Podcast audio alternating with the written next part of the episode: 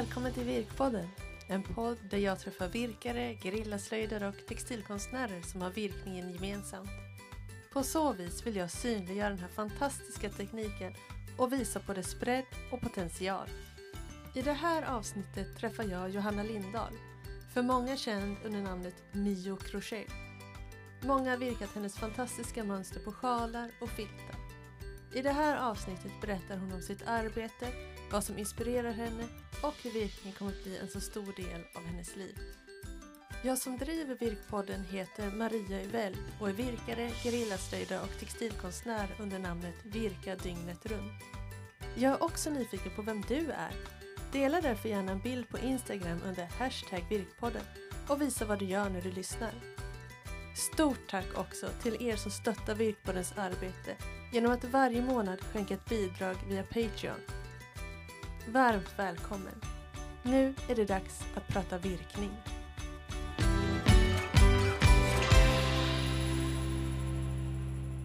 Hejsan Johanna och välkommen till Virkpodden. Tack! Det är jättespännande och roligt att få vara med. Ja men det är jättekul att träffa dig. Det är ju många virkare tror jag som är intresserade av att höra dig berätta om din virkning och hur du jobbar med den. Men jag tänker, ska du presentera dig lite mer själv först? Så att folk vet vem du är.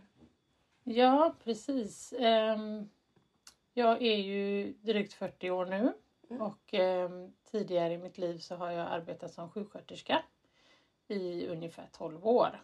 Ehm, Och eh, det var ju stressigt även innan corona så att ja, man behövde ju någonting att slappna av med och det blev ju virkningen då. Mm. Ehm, Och eh, i och med att jag blev sjukskriven efter ett tag så fortsatte jag med det mer och mer och mer. Och eh, ja, på den vägen är det. Jag blev helt eh, såld på virkningen. Det är lätt hänt. Ja, det är ju det. Man, eh, man ser många som börjar med två nystan och sen har man en, ett halvt garage liksom. Med garn och mönster och Oh yes. virknålar och sådär. Verkligen. Jag brukar säga att även virkningen kan vara en prylsport. Det, Oh tror, ja, oh ja. det tror man kanske inte i början men det kan ta över ens hem. Ja.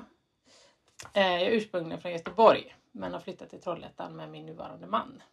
Eh, Och vi bor precis vid skogen så jag är väldigt mycket i skogen med min hund och det är väl det som ger mig väldigt mycket inspiration. Spännande. Men också så här, du har ju ett virknamn eller virkalias eller man ska säga. Och vad är det du brukar kalla dig? Eller vad är det du kallar dig? Jag kallar mig Mio Crochet Precis. Eh, och det är ju jättetöntigt var det kommer ifrån.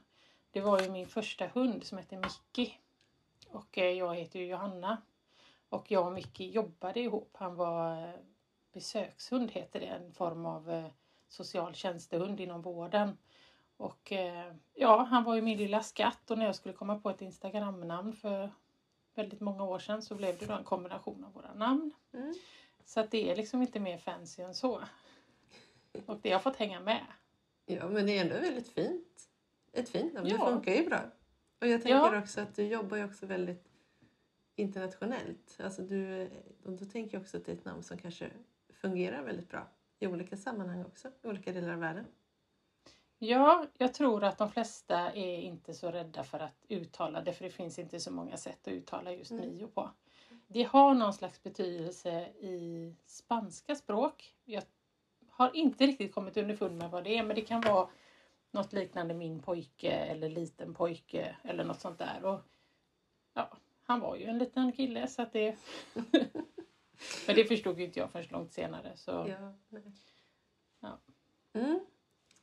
Men spännande. Roligt. Nej, men du nämnde ju lite om här hur virkningen liksom blev en stor del. Liksom. Men hur har det kommit? För nu känns det som att det är virkning du ägnar dig till. Ägnar dig åt på Mm. heltid. Stämmer Mm, det? mm. Ja, ja precis. Det gör jag ju. Ehm, ja visst, jag jobbar ju med det 100 procent och eh, det är ju i huvudet 100 procent. Så kan man väl säga. Man ehm, får hela tiden inspiration och man vet aldrig riktigt när det slår till. Och när det väl dyker upp så måste jag ju liksom testa om det funkar så som jag tänker annars så glömmer jag ju bort det dessutom. För det är väldigt svårt att skriva ner en idé tycker jag utan jag vill ju få fram det i garnet och sen kan jag lägga den lilla testbiten eller vad det nu blir åt sidan så kan jag ju titta på den sen och se att ja, ja, men det var så här jag tänkte och så kan jag jobba vidare på det. Men jag är ju inte en sån som sitter och skriver ner saker utan eh, ofta kommer jag på saker när jag är ute och går och sen så måste jag testa när jag kommer hem. så är det. Ja. Men kommer du ihåg sen, eller liksom när du tittar på dina test, testbitar eller testvirkningar sen när du tittar på dem, att, så här, att du kommer ihåg hur du virkade eller hur du tänkte? Eller? Ja, men det ser jag. Det, mm. Jag har väldigt lätt för att liksom läsa maskerna och hur jag har tänkt. Mm. Ofta baserar jag det på hur det matematiskt blir snyggast. Och jag har ju alltid det tänket så att jag liksom går ju tillbaka till det. Ehm, jag har ju den tråden i allt nästan kan man säga. Mm.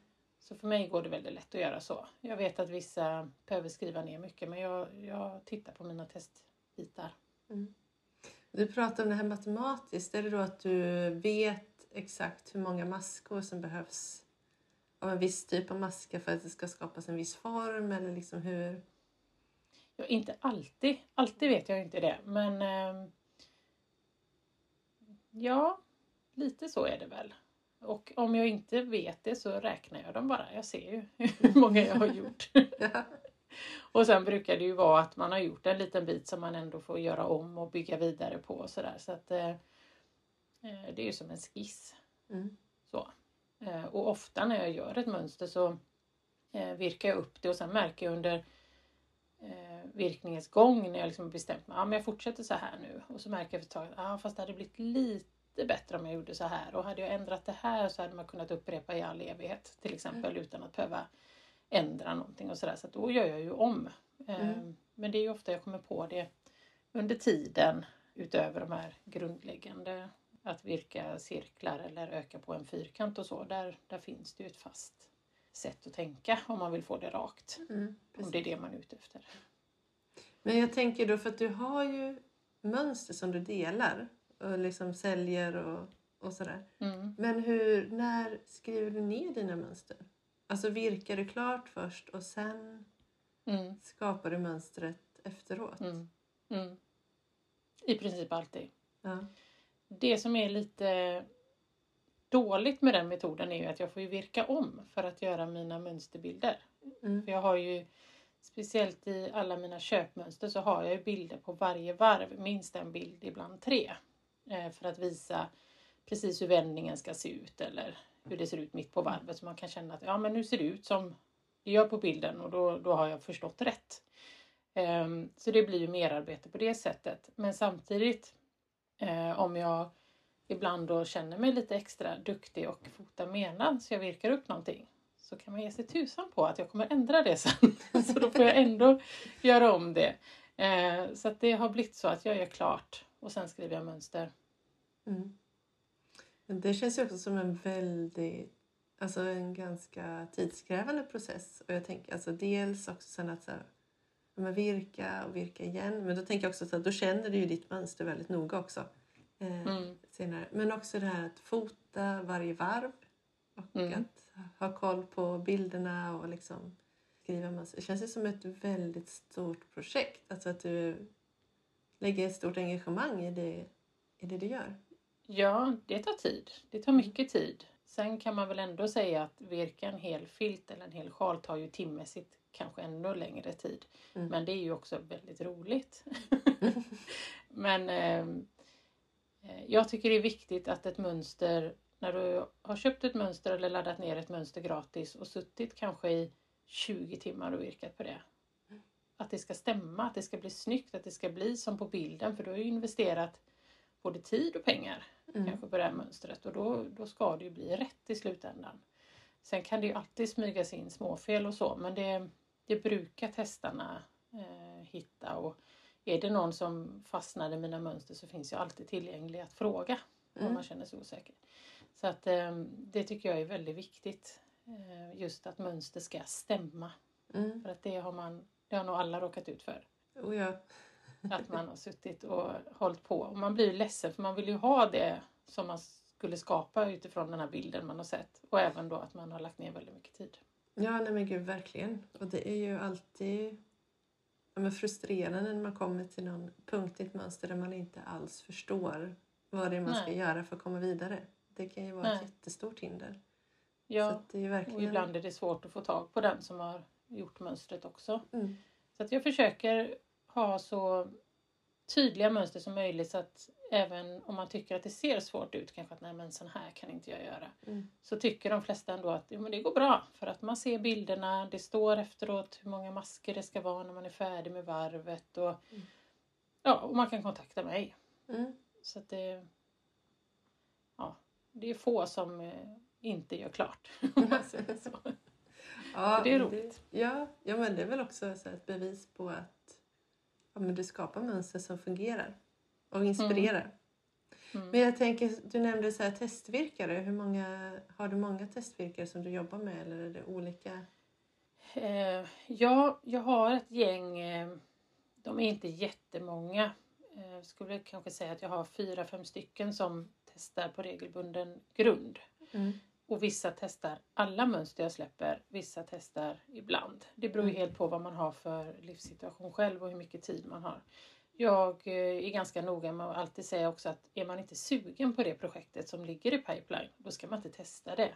Man ska Ja, inte göra det för att göra mig glad bara. Utan blir du sugen på det mönstret, ja men testa det då. Annars så tar du nästa kanske eller sådär så att det inte ska kännas eh, bara som en plikt liksom. Mm. Eh, men det blir ju så att eh, man får ju en, liksom en relation med sina testvirkare och översättare och sådär.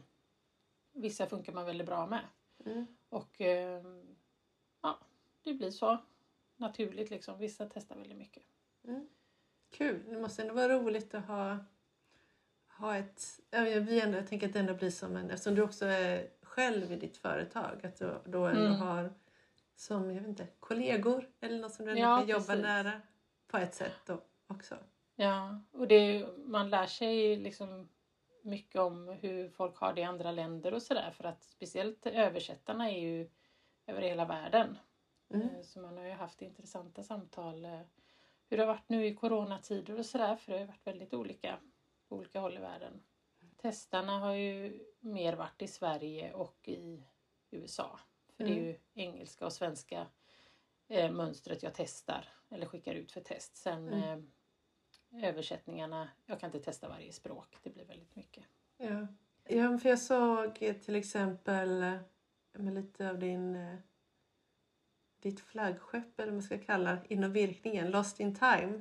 Som jag Mm. många, för jag kollade att den var ju översatt till, var det typ 19 språk eller något? Ja, det är jättemånga språk på den. Eh, jag kan ta fram den här så ska vi Det- se. Alltså, hur gör du det? Alltså det är ju alltså, imponerande, måste jag säga. Um, dels så har jag ju Um, i början när jag började göra mönster så hade jag ju jag översatte åt vissa och så översatte de åt mig och sådär. Ehm, tjänster och gentjänster. Sen har det även då, speciellt med det här mönstret, um, folk har hört av sig och frågat om de kan få lov att översätta eh, till exempel den japanska kvinnan som översatte mönstret. Hon, eh, hon ville ju så gärna att hennes kompisar skulle kunna virka detta men hon vill inte bara översätta och ge ut själv för det får man ju inte göra. Så Nej. då frågade hon om hon fick översätta och så att jag lägger upp det på bloggen då. Så det är ju ofta det har varit så. Och det är ju väldigt roligt. Eh, Men man får ju också ha en slags kontroll på att de här översättningarna blir bra. För att jag kan ju inte själv läsa den japanska texten och säga Nej. att det här stämmer. Så att eh, man får ju ha en konversation med de här personerna innan också så att man känner att det är pålitligt också. Att de har samma eh, ambitioner som mig med korrekthet och att allt ska Mm. stämma och att det är noggrant och sådär. Så att, eh, Precis. men än så länge har det funkat väldigt bra. Så på just det mönstret så är det ju många som har översatt det och sen inget mer om man säger Mm. så. Det finns ju på hebreiska till exempel. Ja men alltså det är ju väldigt spridning på språk. Ja. Det är ju fantastiskt tycker jag. Och det jag tänker också väldigt generöst att folk Ja, vill lägga ner tid och översätta. Mm. Och, Det hebreiska var ju till exempel en, en översättargrupp på Facebook som översätter mönster till hebreiska. Eh, Så de har ju liksom att om en översätter så korrekturläser någon annan och så vidare. Och så hör de av sig till olika designers som de tycker är intressant för deras community liksom. Och så översätter de då och sen så publicerar man de här översättningarna på designens sida. Mm. Eh, Men det är ju väldigt roligt och är väldigt eh, det är ju så fin eh, komplimang till ens Mm. design att folk Ja. vill hjälpa en att nå ut till fler. Ja, men verkligen. För det är ju helt omöjligt själv. Det Ja, går ja. ju inte själv. Nej. Nej. Jag tänker också så här, Lost in time. Det känns, är det den sjalen som liksom blev liksom avstamp för att kunna jobba mer med virkningen? Eller hur? För det känns ju som Ja. att det är någonting som verkligen alla som virkar har väl nästan hört talas om den. Och om man Ja. kollar i virkgrupper till exempel och någon frågar efter Ja, men jag vill virka en sjal, vilken ska jag virka? Då kommer ju alltid Lost in time upp i liksom Mm. raddarnas svar. Mm. Jo men så är det nog. Jag tror, jag är inte helt säker på detta, men jag tror att just när jag släppte det mönstret så fanns det inte så många sjalar med en textur. Alltså de flesta sjalarna var spetssjalar som ligger platt. Den Mm. här har ju liksom en yta som man kan ta på. Det fanns säkert, men det fanns väl ingen som hade liksom uppmärksammat så. Så att jag hade sån ja, tur att den kom, eller att jag gjorde den när jag gjorde den. Att det blev väldigt uppmärksammad. Och sen såklart att jag har släppt det gratis. För det är ju Mm. väldigt spridning på det. På gott och ont. Det är ju även väldigt många som snor en saker på nätet och det är ju en väldigt tråkig sida av eh, virkvärlden. Mm. Men ehm, ja, det har absolut blivit ett flaggskepp som har Mm. öppnat upp många dörrar. Så är det ju. Men Absolut. vad, ja, men vad har du för relation till Lost in time? Är det någonting som du känner liksom... Ja, men är det någonting som du känner mycket för eller är det som att du känner att här, den har hängt med så länge att den har blivit... Alltså både och. Ehm, jag minns ju exakt när jag satt och skrev det här mönstret. För det var väl, jag hade skrivit det sjalmönstret Secret Parts innan. Som också har blivit väldigt populärt men det blev populärt efter Lost in Time. För då var det kanske att man har virkat Lost in Time och så går man in och kollar vad jag hade mer. Mm. Men det var ändå så här precis i början och jag kommer ihåg att jag tänkte att gud vilka galna färger jag använt. Det här kommer ju folk tycka är helt tokigt. Men eh, det blev ju precis tvärtom. Och eh, ja, jag minns precis det köksbordet vi hade och jag satt där och fotade och försökte få eh, Ja, och jag tycker ju nu när jag tittar på det här mönstret att det hade man ju kunnat göra lite snyggare kanske men eh, nu är det som det är med det. Eh, men samtidigt kan jag också känna som ibland tänker jag på skådespelare som har gjort en roll i någon tv-serie eller sådär att de kommer liksom inte ifrån det nästan. Det är det första man tänker på eh, när man hör Mio Crochet att ah, ja, Lost in time, ja fast ganska många andra mönster också. Ja. Eh, så att eh, både och. Jag tycker ju jättemycket om den såklart. Mm. Det gör jag. den är ju fantastiskt fin. Så Mm. det är ju... Och också att man kan, jag tänker, variera färger och skapa olika Mm, känslor. Mm. och mm. Jag har gjort en filt också i den eh, designen. Har jag Ja. gjort. Och eh, det har ju också blivit populärt. Men då är det ju en fyrkant som Mm. man eh, bygger på. Brukar du förändra? För jag tänker att det är oftast... När jag tänker på dig, då tänker jag ju sjalar framför allt. Mm. Men Mm. också filtar. Eh, Mm. Och är det så att du brukar göra om en, ett sjalmönster till en filt eller omvänt? Det har blivit så för att det efterfrågas väldigt ofta. Gör jag en filt så, åh det här hade varit så snyggt som en sjal. Ja, ja, jo men det är sant liksom. Eh, och även tvärtom. Fast då kan jag ju känna ibland att jag är lite nöjd med det här mönstret så det får gå lite tid och sen gör jag kanske ett filtmönster av en sjal eller eh, tvärtom då. Jag Mm. behöver lite paus från det. Men eh, ja, det är väl Lost in time och så en filt som heter Lovely Leaves som jag gjorde om till en sjal också. Sen har jag nog inte gjort det på fler. Men får du mycket sådana frågor? Att de vill ha? Mm. Mm. Mm. Väldigt mycket så. Eller eh, om det är en trekantssjal så önskas den gärna i rektangulär form till exempel. Ehm, och ibland är ju det ganska lätt att göra om man kan ge ett litet tips bara lägga upp masker och så öka inte i, Mm. ena sidan då. Och ibland är det helt enkelt masskombinationer som jag inte tycker eller personligen inte tycker skulle funka lika bra kanske i den andra formen. Mm. Eh, och då gör inte jag det mönstret men eh, man får ju absolut vara kreativ och testa själv Mm. utifrån mina mönster och testa andra former. Och det tycker jag ju bara är roligt när eh, folk visar upp då i min Facebookgrupp att "Ah, nu har de gjort en Lost in time som en rektangulär wrap istället. Och det är ju jätteroligt att se. Jag tänker att lite så får det vara och jag vill inte göra ett mönster för varje form i alla designs. Nej. Utan jag gör den formen som tilltalar mig med ett mönster och sen får man leka med det själv om man känner för det. Mm. Men jag tänker så här, har du mycket kontakt med dina virkare? Jag tänkte du nämnde att du har en Facebookgrupp till exempel. Mm. Jo men det har jag ju dagligen. Ehm, framförallt via Facebook för att det är ett socialt medie som väldigt många använder. Ehm, och där har jag en eh, supportgrupp kan man kalla eller inspirationsgrupp som heter Mio Crochet Hangout. Mm. Eh, och den hittar man lätt bara via att söka på Mio Crochet.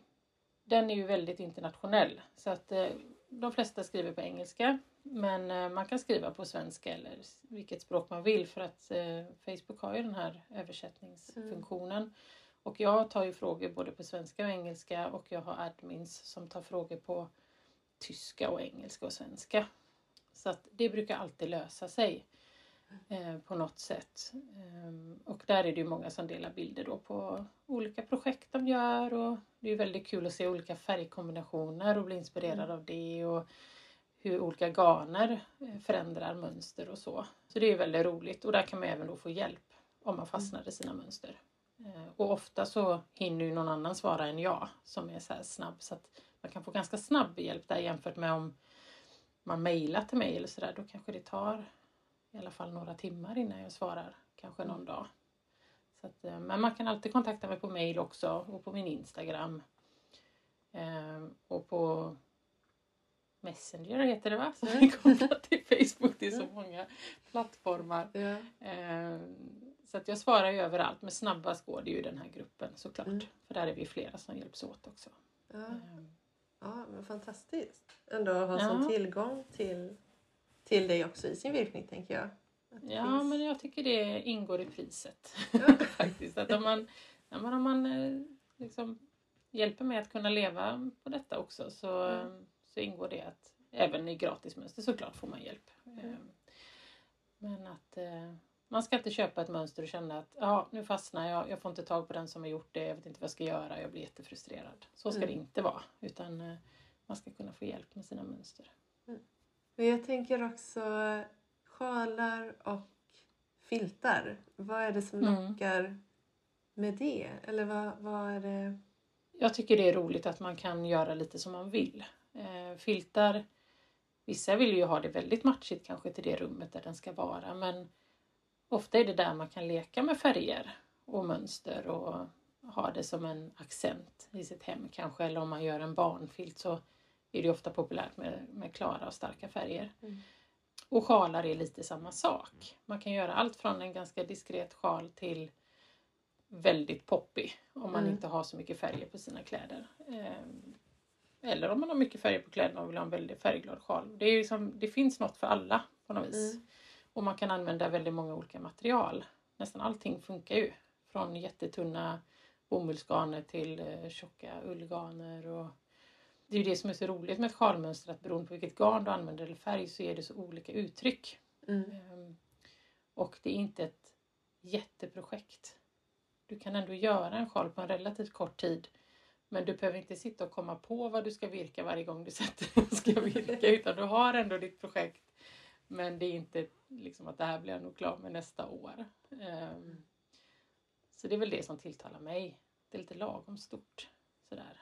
Mm. Speciellt sjalar tycker jag är en väldigt trevlig storlek på projekt. Ja, jag tänker också att det är väldigt trevligt med sjal också för det är någonting som man kan använda också. Att det blir Mm. någonting som man kan klä sig i och ja. Mm.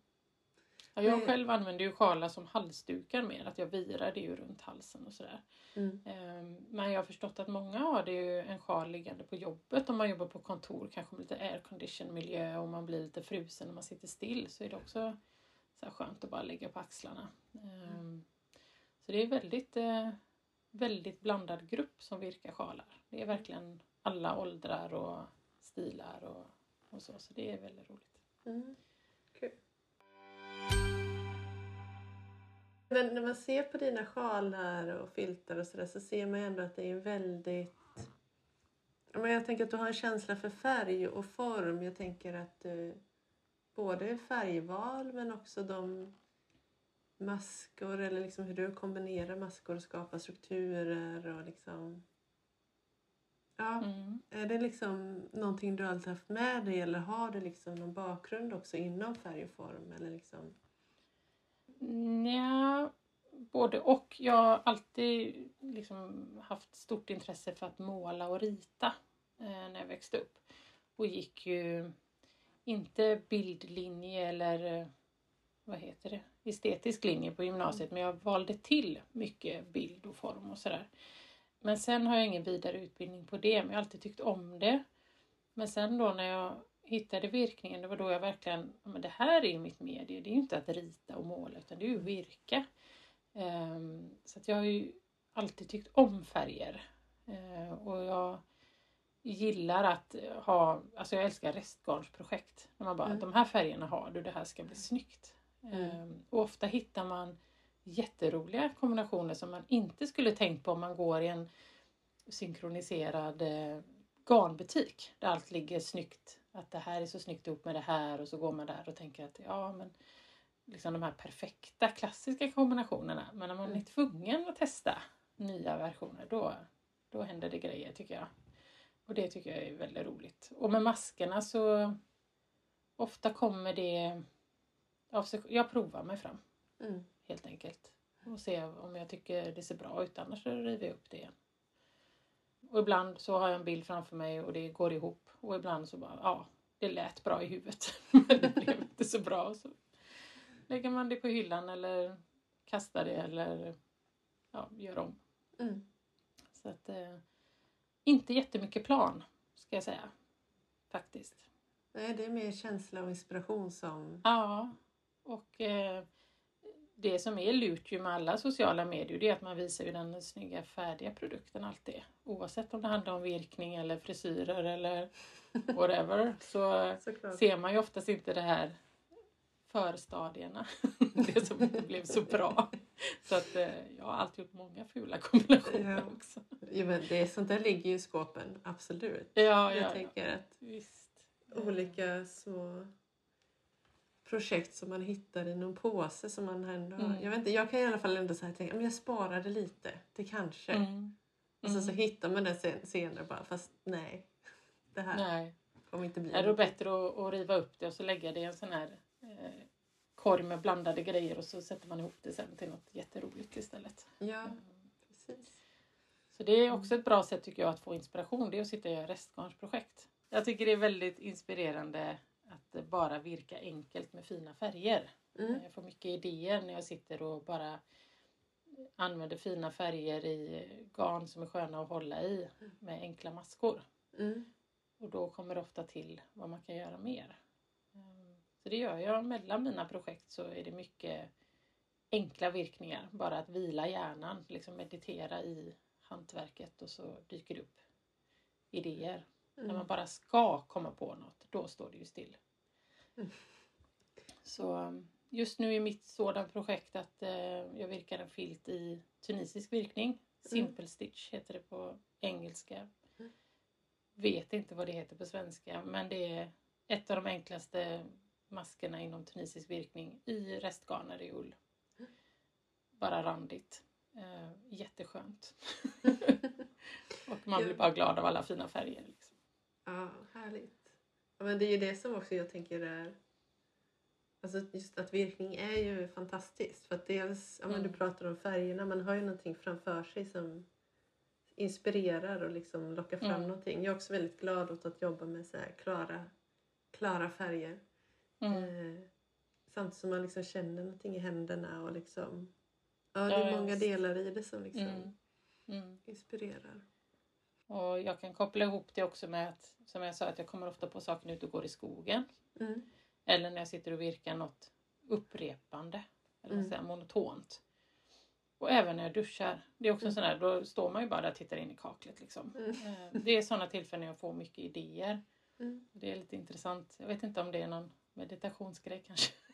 Fast Jag vet, jag vet inte, men just Ja. naturen är det ju så här, nu flera av de som jag pratat med i Virkpodden är ju inspirerade av naturen på olika sätt Mm. eller får inspiration där. Så det är verkligen, Mm.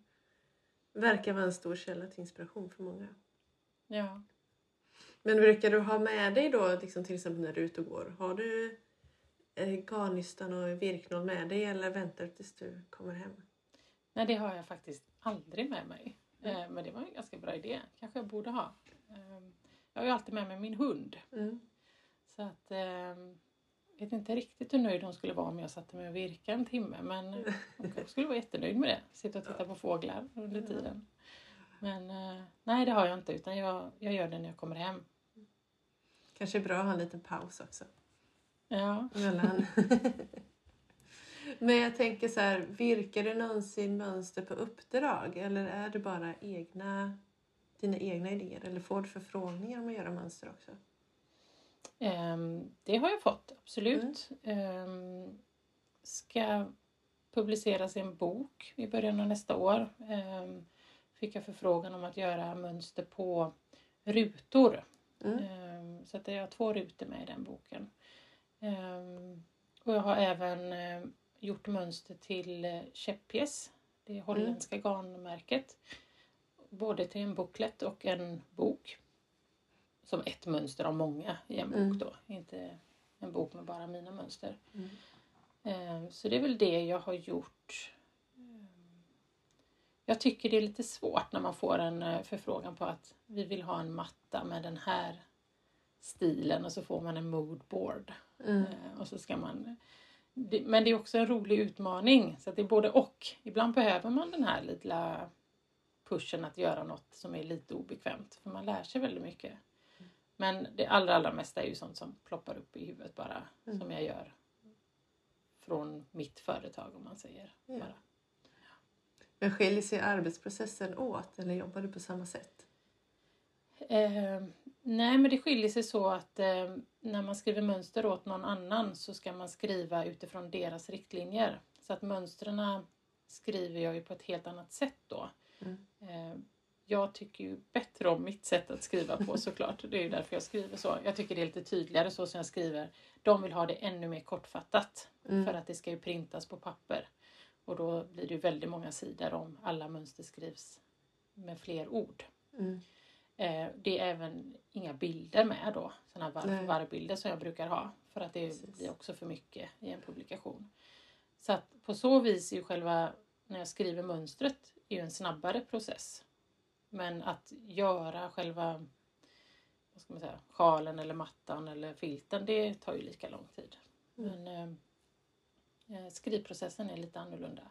Mm. Sen får man ofta en, en eh, vad ska man säga, deras, när de börjar bli klara då när deras, eh, de kallar det tekniker, tittar på mönstret så får man tillbaka det och korrekturläser och sådär. Så att det är en liten annan gång men eh, eh, annars är det väl väsentligen samma.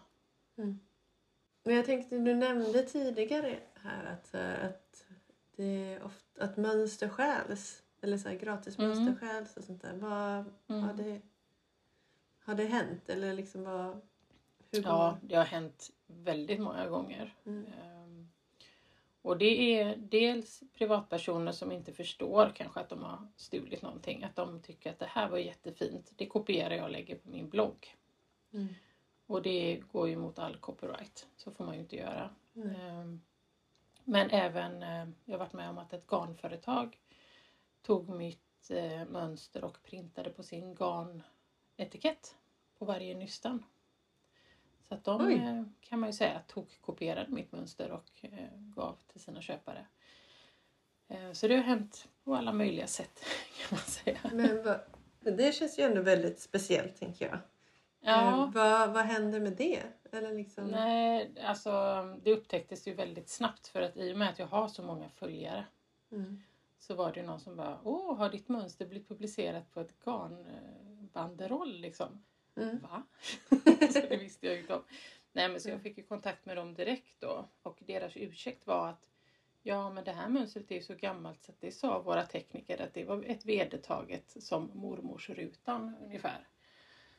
Okej. Ehm, Men det var det inte. Jag hade inte hållit på jättelänge då så att jag var inte så snabb med att skicka en faktura till dem, vilket jag hade kunnat göra när jag pratat med jurister i efterhand.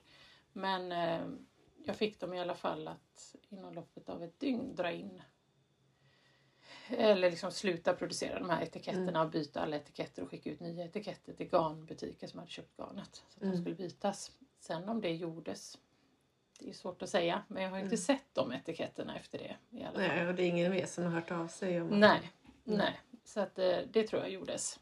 Men eh, vad jag har förstått senare är att om större företag blir utsatta för sånt här så skickar ju de en riktigt saftig faktura till de som har använt deras bilder eller vad det nu kan vara. Då.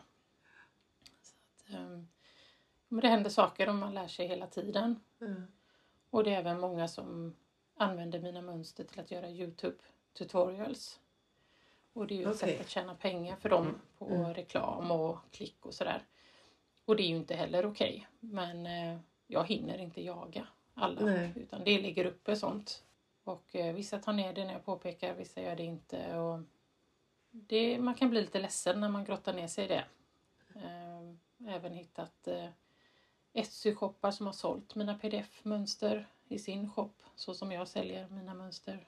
Mhm. Men de flesta, märker de att jag, eller hör jag av mig så brukar de försvinna väldigt fort. Mm. Okej. Men eh, det är lite tråkigt. Ja men det är ju klart. Det känns ju ändå Mm. väldigt fräckt. Jag ska säga. Ja, det är ju, man tjänar verkligen pengar på någon annans arbete. Mm.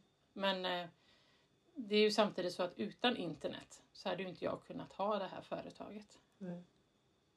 Så att man får väl se det som att eh, ja, men om man har en fysisk butik också att det finns alltid folk som snattar.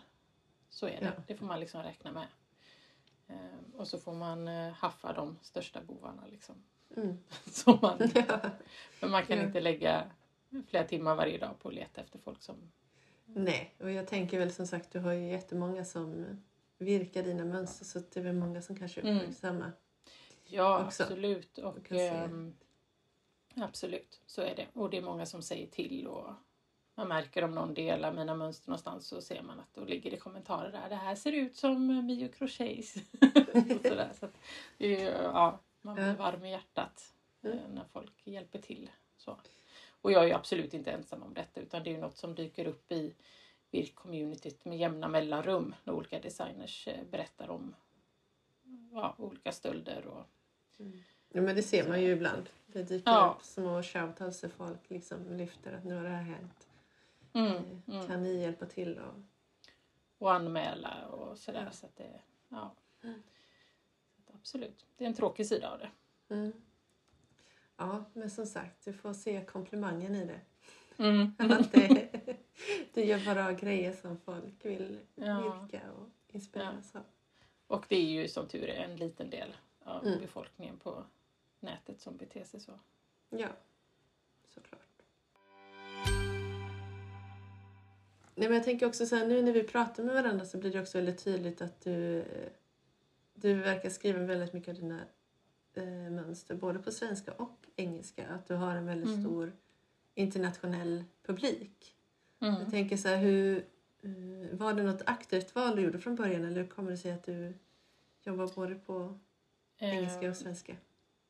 När jag började virka så, ehm, så när jag letade efter nya mönster och idéer så eh, blev det så att jag hittade mer engelska mönster som jag var intresserad av. Eh, och då blev det automatiskt att mitt virkspråk blev på engelska.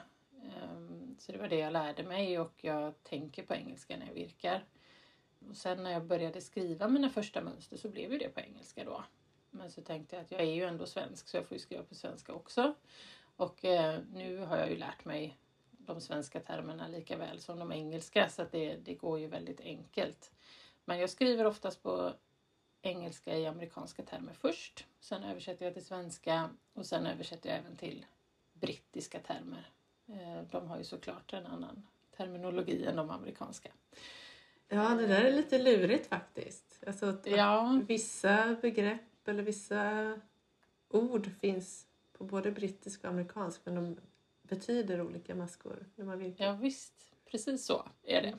Ehm, så att om man inte tittar noga vad det är för terminologi och så börjar man virka enligt amerikansk fast det är brittiskt till exempel så det är liksom, när man läser det så, så är det ju en vettig text. Mm. Men det blir ju lite tokigt när man virkar Ja. det då. Så att, ja, absolut. Nej, men så att det blir att jag ehm, kommunicerar mest på engelska även då i sociala medier. För Mm. att de allra, allra flesta är engelsktalande och många är ju även från Tyskland och Holland och Frankrike eh, och övriga världen. Eh, Men om man skriver till mig på svenska och frågar någonting så är det ju inga problem för svenska är ju mitt modersmål. Så att, eh, absolut, Eh, kontakta mig på svenska om du är svensk. Mm. Jag tror att många missar att jag är svensk och det är ju mitt eget fel också att jag inte skriver så mycket på svenska i sociala medier. Men det blir så himla mycket text och eh, ofta så läses ju första meningen på ett inlägg ungefär. Mm. Eh, så att även jag får ju frågor på mina inlägg på saker som står i texten och skulle jag då göra den dubbelt så lång på två språk så vet jag inte någon som skulle orka liksom att oj vad mycket text det där orkar jag inte läsa. Så att eh, det har blivit att det är mest på engelska. Men det har ju också, tänker jag, bidragit till att du har kunnat sprida dina mönster så pass mycket också. Det hade ju inte kanske blivit samma spridning om du hade begränsat dig till svenskan bara. Eller vad tror du? Nej, nej det är väl absolut så. Mm. Den engelsktalande världen är ju väldigt stor. Och jag tycker att alla som inte kan läsa engelska mönster ska ta sig en titt på den terminologin. För att har du väl lärt dig de vanligaste maskerna, förkortningarna på engelska, så har du ju miljoners mönster att, att titta på. Så är inte det något hinder. Nej, Eh, precis. för det går ganska bra om man sätter sig med en liten lathund bredvid sig. Eh, Och det hittar man ju bara när man googlar. På svenska, engelska virkning eller något Mm. sånt så hittar man ju tabeller med vad stolpe heter på engelska till exempel. Eh, precis. Ja, man lär sig ganska snabbt när man väl sätter sig med det tycker jag. Men ser du någon skillnad på, alltså jag tänker då som du har virkare som hör av sig till dig från hela världen eller liksom att du tänker att du har en liksom slags överblick, någon sån virköverblick över hur virkningen ser ut ute i världen. Eh, liksom, finns det några skillnader eller liksom, hur är det liksom? Är det någon ställe där Ehm. virkning kanske är mer, jag vet inte, etablerad eller liksom har en annan virktradition eller? Ja, alltså det jag kan märka är att eh, i USA som är en av mina absolut största områden som jag arbetar mot kan man säga, så virkar väldigt många för välgörenhet. Och det görs ju i Sverige också. Framförallt mycket till sjukhus och till barn och små figurer och sånt. Eh, I USA virkar väldigt många till sina kyrkor. Väldigt många virkar sjalar, de kallar det prayer shawls. Som man har på sig när man sätter sig i kyrkan och det kanske blir lite dragigt och kallt och sådär. Så kan man ta på sig en sjal när man kommer. Och även eh, väldigt många som virkar till eh, vuxna människor på sjukhus. Folk som får eh, cellgifter till exempel. Att de har en sjal att vira in sig i eller en filt när de kommer till sjukhuset. Eh, så det ser jag väldigt mycket. Sen om det är att de visar upp det mer än vad svenskar gör, det vet jag ju inte. Mm. Men eh, det märker jag ju. Och sen märker jag också att i USA jämfört med Europa och Sverige så använder man mycket mer tjockare garner. Och gärna i akryl och syntet. Så de har stora nystan eh, som ofta är billigare då i och med att det är syntetmaterial. Och det går ganska snabbt att virka upp en sjal i ett lite tjockare garn om man jämför med ett tunnare. Så att de eh, kan vara lite överväldigande ibland över hur tunt garn jag använder och eh, hur lång tid det tar att virka en sjal i det här tunna garnet med den pyttelilla nålen som är då kanske en trea eller tre och en halva. Eh, jämfört med i Sverige i alla fall så tycker jag att virkningen får ta lite mer tid. Mm. Så, så det är väl det jag har märkt, tror jag. Sen eh, generellt så tror jag att folk är lite fega med färger. Eh, och så ser de vad jag använt för färger och så tycker de att det är så härligt med färg och så gör man som jag gjorde. Och det är ju jätteroligt såklart. Mm. Men jag tycker våga använda lite mer färg. Våga gör det bara. Och jag menar blir det inte bra så riv upp det och så gör en glad grytlapp av det. Liksom. Det, Mm. Det kan ju inte hända något farligt av att eh, testa så. Det är ju inte så att någon tvingar dig att ha på det om du inte tyckte om det sen. Mm. så, ja. Men det är väl det jag märker. I Sverige är det mycket mer enfärgat och lite mer naturfärger och sådär kanske också. Så, ja, Mm. lite saker ser man. Mm. Ja, Men framförallt vilket garn som används. Det är skillnad från Europa och USA. Mm. Eh, och alla de här garnerna som vi har här, de finns i USA också men inte alls på samma, liksom så mycket. Så att jag får ju många som mejlar mig och frågar vart ska jag få tag på sånt fint garn som ni har i Europa? Vart Mhm. ska jag liksom leta efter detta? Och då brukar jag ju, det har jag ju snappat upp liksom lite olika butiker som folk brukar tipsa om i, mina, i min virkgrupp och sådär. Eh, och sen finns det ju även sådana här små företagare som spinner och färgar sitt eget garn och sådär. Så att eh, det kommer mer och mer dit också, de här europeiska garnerna som de kallar det, de här tunnare. Ja, intressant. Det hade jag Mm. ingen aning om faktiskt. Nej. Ja, kul. Kul att få höra. Men nu har vi ju pratat mycket om att du skapar mönster som är liksom med sjalar och filtar och sådär. Men du gör väl också så här cals, virkcals, eller vad kallar du det? Ja, precis. Eh, CAL står ju för crochet along. Mm. Eh, att man virkar tillsammans kan man säga. Och då, det vanligaste är väl att man vet vad man ska virka när man börjar. Ehm, och hur det kommer se ut. Och sen så släpps det här mönstret i x antal delar. Som nu senast så gjorde jag en sjal. Och då släpper man en del i veckan. Eller man, jag gjorde det. Mm. så man har tid på sig. Många uppskattar det för att då känner man att nu kan jag vara med och lära mig nytt och det är många andra som gör samma. Jag kommer inte vara ensam med mina frågor. Man får mycket inspiration om vad andra använder för garner och färger och sådär.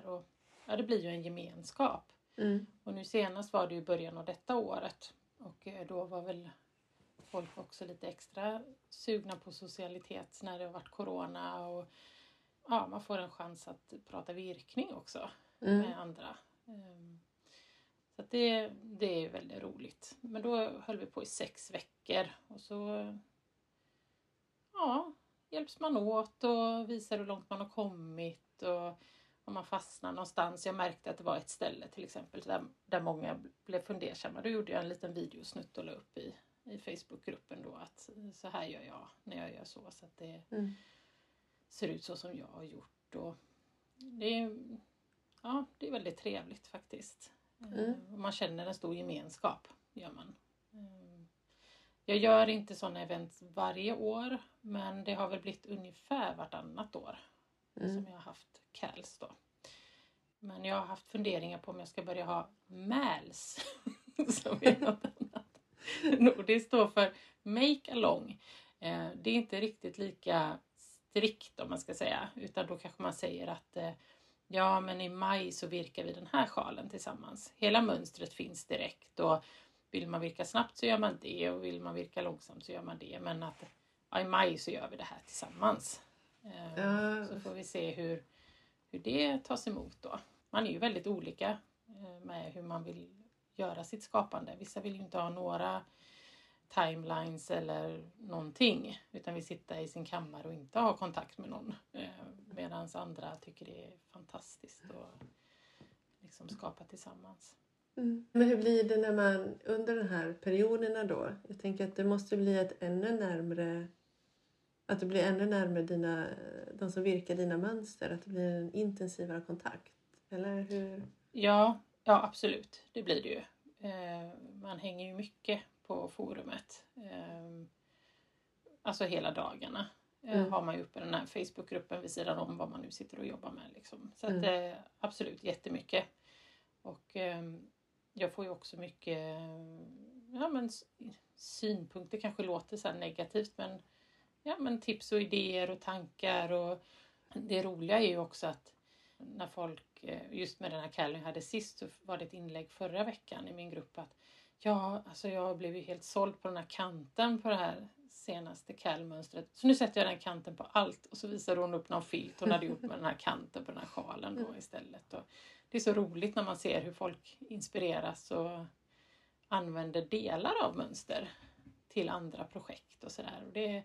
Vissa tänker ju att jag kanske ska bli lite så sur om man liksom roddar med mina mönster men det tycker jag inte alls utan blir du inspirerad så kör på. Det är Mm. jättekul om du bara använder mitt mönster som bas och sen hittar på vad du själv vill.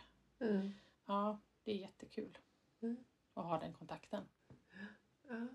ja, fascinerande och spännande att se. Jag tänker ändå Mm. att men jag tänker att virkning är ju viktigt för många som virkar. Och att du Mm. då också blir viktig för många som virkar. Som Mm. virkar dina mönster och inspireras av dem och blir engagerade i det. Så det är ju Mm. Det är fantastiskt. jätteroligt. Jag har ju vissa följare eller bekantskaper har det ju blivit nu som man har haft kontakt med då under alla år, sen kanske 2016 när jag började lägga ut mina första alster på Instagram. Och, Mm. eh, man kanske inte hör så ofta men varje gång det kommer något nytt så får man så här hej hej. ja, det, det är jättemysigt Mm. eh, faktiskt. Eh, och sen, jag vet ju själv att jag är ju en liten lurker alltså, i andra forum. Jag är inte sån som skriver jättemycket i virkforum och, och sådär. Men jag läser ju mycket och jag tittar mycket och, och sådär. Eh, så att jag är ju glad för alla som, som vill vara aktiva och sociala för att eh, det, är- det är inte alla som vill och det är inte alla som vågar. Och, men vi har väldigt högt i tak i vårt eh, eller ja, i min Facebookgrupp och det förekommer inga otrevligheter och sådär utan eh, och inget politiskt, inget, eh, alltså det ska vara ett inspirerande ställe. Mm. Man kan ge tips och idéer och, och sådär. Allt annat, det stängs ut. Så det ska vara en sån riktig comfort zone. Det bara ska vara mysigt att virka. Ja. ja, men det låter härligt tycker jag. Vi börjar närma oss slutet av det här samtalet. Mm. Jag tänker om du har tre virktips till de som lyssnar. Ja, Du vill jag har faktiskt funderat lite på det. Mm. Eh, och eh, kommit på två väldigt konkreta och ett lite flummigare som jag faktiskt redan har sagt. Men eh, det är att våga testa saker. Mm. Testa färger och färgkombinationer och, och maskor och, och sådär. Det, det är bara att riva upp. Mm. Och vissa känner att Åh, riva upp, jag har ju lagt två timmar på de här varven. Ja, men det är ju härligt att virka. Det gör väl Mm. inget liksom. Ehm, så att våga testa. Och våga testa mönster som du tycker ser svåra ut. För att ofta om man bara tar det varv för varv så, så löser det sig. Man Mm. kan mycket mer än vad man tror. Och är det någon maska som dyker upp som man, nej, nu vet jag inte vad detta är. Då finns Google och Youtube. Allt finns där. Ja, gud, det finns så Ehm, mycket som helst. Och använder man mina mönster så kan man kontakta mig eller titta på min mask. Jag har maskbeskrivningar på min blogg också. Eh, Alla lite klurigare masker har jag där med bilder hur man gör. Så testa på bara.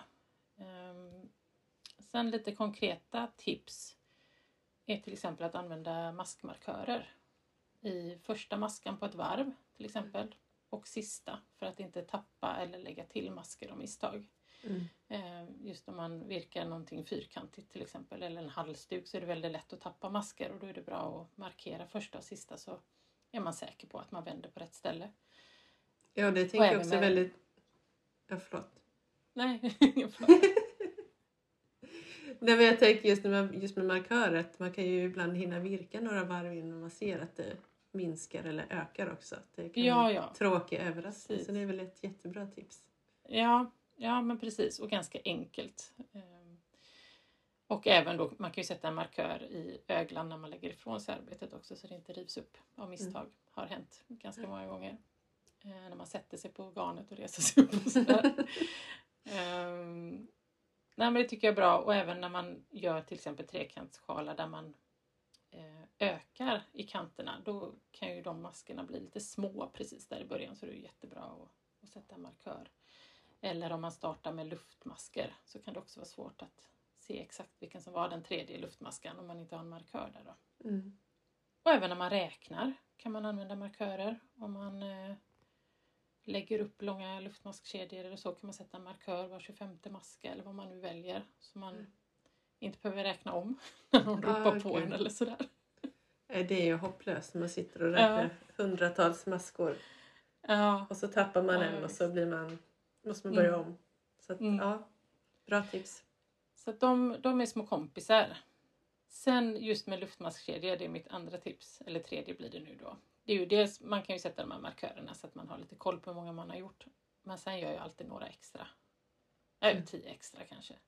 Och sen när man eh, virkar tillbaka så förhoppningsvis har du tio kvar då. Eller så behövde du någon liten extra. Eller så hade du gjort, ja, det blir några över. De kan du pilla upp från baksidan eller från andra hållet. Så du inte behöver göra om hela det goa varvet med stolpar i en luftmaskkedja. För det är inte roligt. det är billigt. Så att de, de kan man bara pilla upp. Så det är, det är typ det bästa tipset jag har lärt mig någonsin.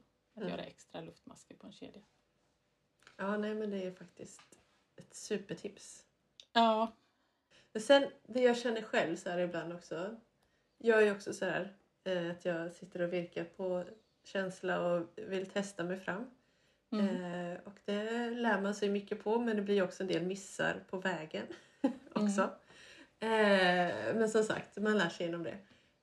Men då är det också så här ibland när jag har testat och ska virka sjalar eller liksom virka så att det ofta blir men man får göra en sån här fin trekantssjal till exempel. Mm. Och då känner jag, alltså ofta så blir det antingen att, och jag tänker att jag tänker rätt. Men det Mm. gör jag ju uppenbarligen inte då kanske. Men liksom att antingen så börjar den ju liksom den här fina raka linjen då som jag vill ha börja luta Mm. neråt.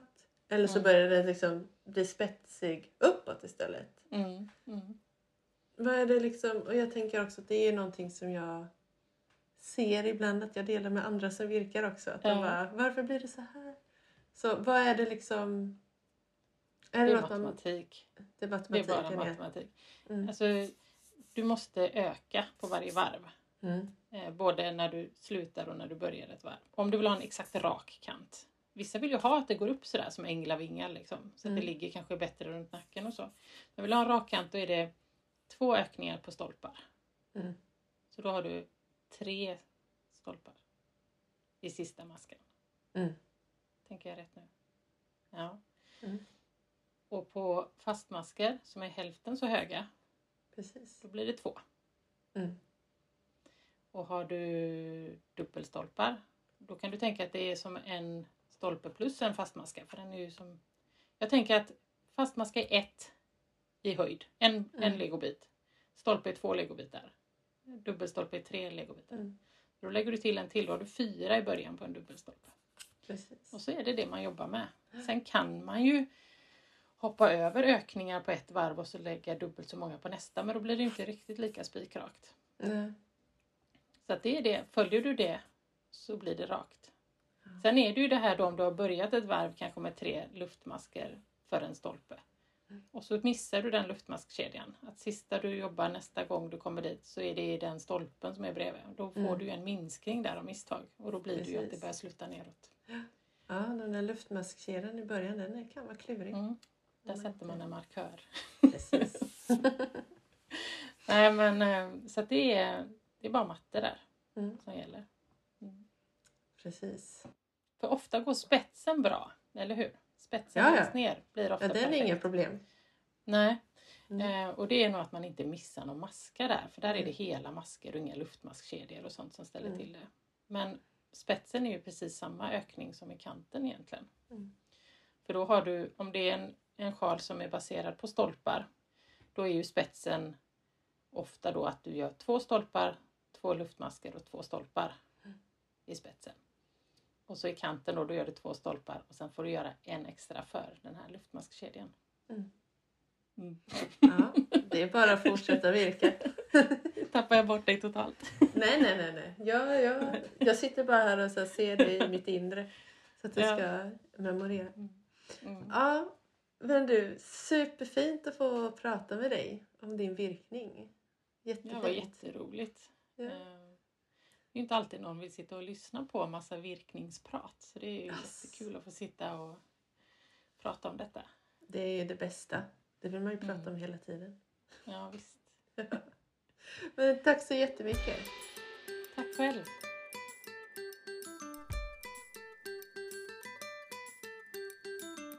Tack för att du har lyssnat på Virkpodden. Avslutningsvis vill jag även säga stort tack till Ayat Almansour Holm för klippningen, Filip Eterovic för musiken samt Grace Ann Ekström för formgivningen. Nästa avsnitt av Virkpodden kommer om en månad.